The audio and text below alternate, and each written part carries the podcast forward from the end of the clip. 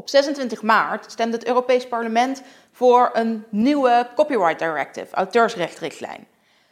We dachten dat we precies wisten waar ze voor zouden stemmen, maar het is toch weer een beetje gewijzigd. Maar ik ga het je allemaal uitleggen. Charlotte, de social media jurist van Nederland. Nou, vandaag ga ik het nog een keertje hebben over die stomme uploadfilter. Of nou ja, stom, het is maar net aan welke kant je staat natuurlijk, wat je daarvan vindt. Feit is wel dat op 26 maart 2019 het Europees Parlement een, weer een alternatieve tekst heeft aangenomen. Dus het is weer anders dan ik in mijn vorige video heb uitgelegd. Nou, en dat is alweer anders dan de allereerste tekst die er was. Goed, waar zijn we nu aan toe? De Europese Raad moet nog over deze tekst stemmen, omdat die dus weer gewijzigd is. Maar als zij er dan mee akkoord gaan, oké, dan is deze tekst eindelijk echt definitief. Wat is er nou veranderd? Allereerst gaat het nu over alle online diensten. Het hoeft dus geen dienst van de informatiemaatschappij meer te zijn. Ook hoeft het niet meer te gaan om grote hoeveelheden geüploade werken. Dus ook als er wat minder wordt geüpload, nou, dan kan het ook al een online dienst zijn. Het moet wel geüpload worden door de gebruikers van de dienst. Dus niet zozeer door de houders van de dienst. Dus niet door het bedrijf zelf dat de dienst aanbiedt. Of de persoon zelf die de dienst aanbiedt. Daarnaast is opeens ook niet meer van belang dat er een winstdoel is door die dienst. Oh, nu moeten we even opletten.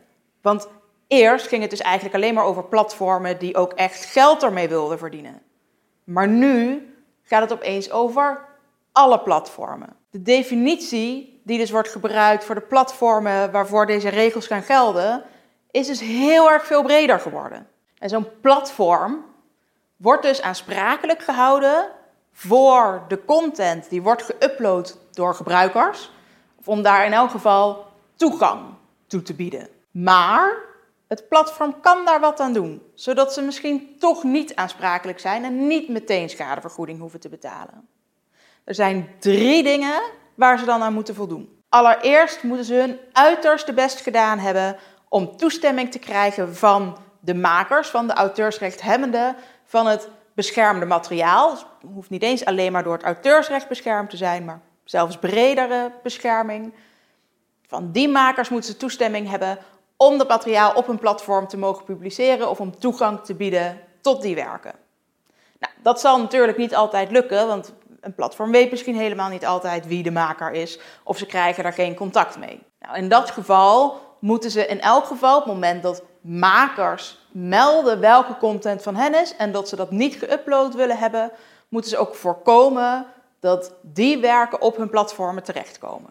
Mochten makers zich nou niet vooraf hebben gemeld en mocht er geen sprake zijn van toestemming of mocht er op een andere manier alsnog wel tussendoor glippen en er moet er sprake zijn van een inbreuk, dan mag de maker zich melden. Die mag klagen bij het platform. Op het moment dat het platform dan die klacht ontvangt, moeten ze de toegang tot die werken blokkeren. En als dan daadwerkelijk een inbreuk blijkt te zijn, moeten ze ook voorkomen dat die werken later opnieuw geüpload kunnen worden. Dus is er nog werkelijk sprake van een uploadfilter? Nou ja, in elk geval niet vooraf. Omdat ze dus vooral die toestemming moeten vragen en daar hun best voor moeten doen. En eigenlijk komt dat uploadfilter er pas aan te pas op het moment dat een maker zich vooraf gemeld heeft dat die content niet geüpload mag worden, of wanneer er een inbreuk is gepleegd en vanaf dat moment duidelijk is dat de content niet geüpload mag worden. Een platform moet dus aan alle drie de vereisten voldoen om aansprakelijkheid te voorkomen en geen schadevergoeding te hoeven betalen. Wordt er nou toch inbreukmakende content geüpload op het platform, dan blijft de gebruiker die het heeft geüpload daar ook gewoon aansprakelijk voor. Dus denk nou niet dat je alles maar kunt blijven doen en dat waarvoor je voorheen misschien schadevergoeding had hoeven moeten betalen, dat dat nu niet meer zou hoeven. Hoe kun je nou weten of een platform voldaan heeft aan al die eisen? dus echt zijn alleruiterste best doen om die toestemming te krijgen. Uh, voorkomen dat werken geüpload worden waarvan een maker heeft gezegd dat dat niet geüpload mag worden. En zo snel mogelijk verwijderen van inbreukmakende content en ook van die content zorgen dat die niet opnieuw geüpload mag worden. Nou, daar is nu wat aan toegevoegd in deze regel. Zodat niet elk platform hetzelfde behandeld wordt, maar dat we ook kijken naar wat voor soort platform het is. Het gaat dan om het soort dienst, de omvang van de dienst, het soort content en ook het soort publiek dat al die content uploadt. Daarnaast moet er ook gekeken worden naar wat er nou allemaal al gedaan is, welke filters bijvoorbeeld er beschikbaar zijn, welke technieken zo'n platform kan gebruiken en welke kosten dat allemaal met zich meebrengt. Dat betekent dus dat een wat kleiner particulier forum misschien wat minder hoeft te doen dan juist de grote jongens zoals Google en Facebook.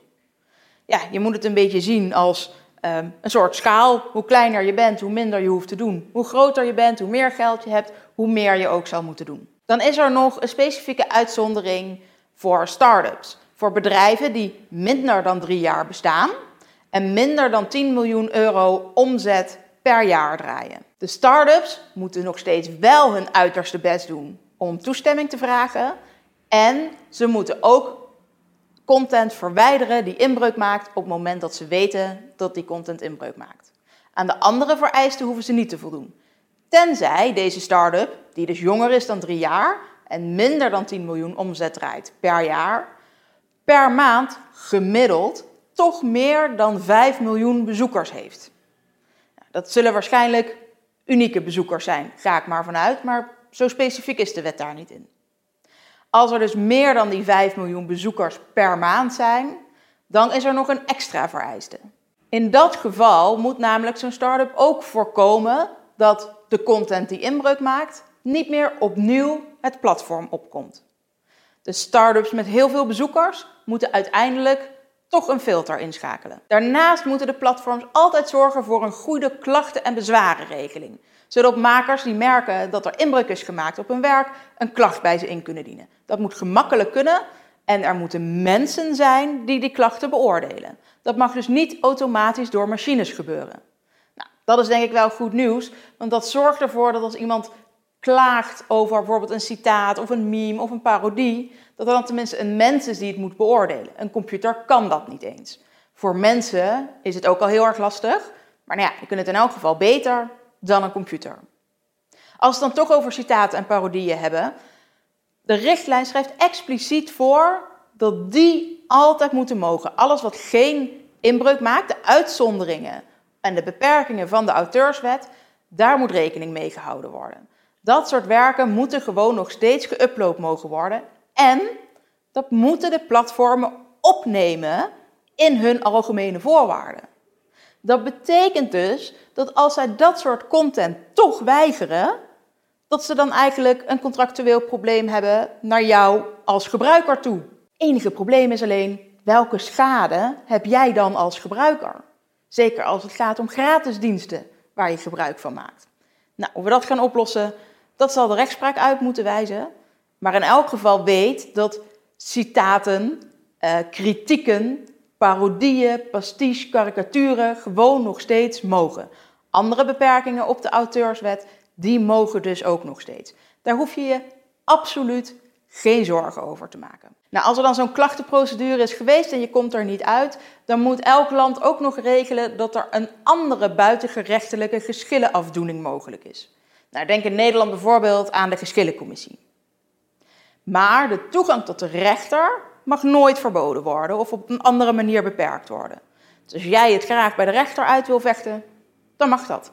Kortom, artikel 13 is artikel 13 al niet meer.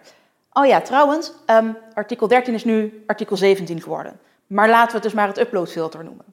In elk geval, het gaat dus gelden voor een veel bredere groep aan bedrijven en platformen. Want zelfs voor gewone mensen die een online dienst aanbieden. En voor ons als uploaders, nou ja, eigenlijk mogen wij dus gewoon nog blijven uploaden, zolang we maar geen inbreuk maken op het auteursrecht. En de makers, tja, zij kunnen dus inderdaad wel een klein beetje tegenhouden dat hun werken op die platformen terechtkomen. Er moet inderdaad wel een toestemming gevraagd worden en daar moet een best voor gedaan worden. Um, en anders mogen die werken dus niet op het platform verschijnen. Maar of zij daar nou daadwerkelijk meer geld mee gaan verdienen, ik denk eerlijk gezegd dat de grote jongens daar dan gewoon dat filter voor in gaan zetten. Ben heel benieuwd wat jij nu vindt van deze nieuwe versie van het uploadfilter. Ik blijf je op de hoogte houden als er weer nieuws is, als er gestemd wordt over de uiteindelijke tekst.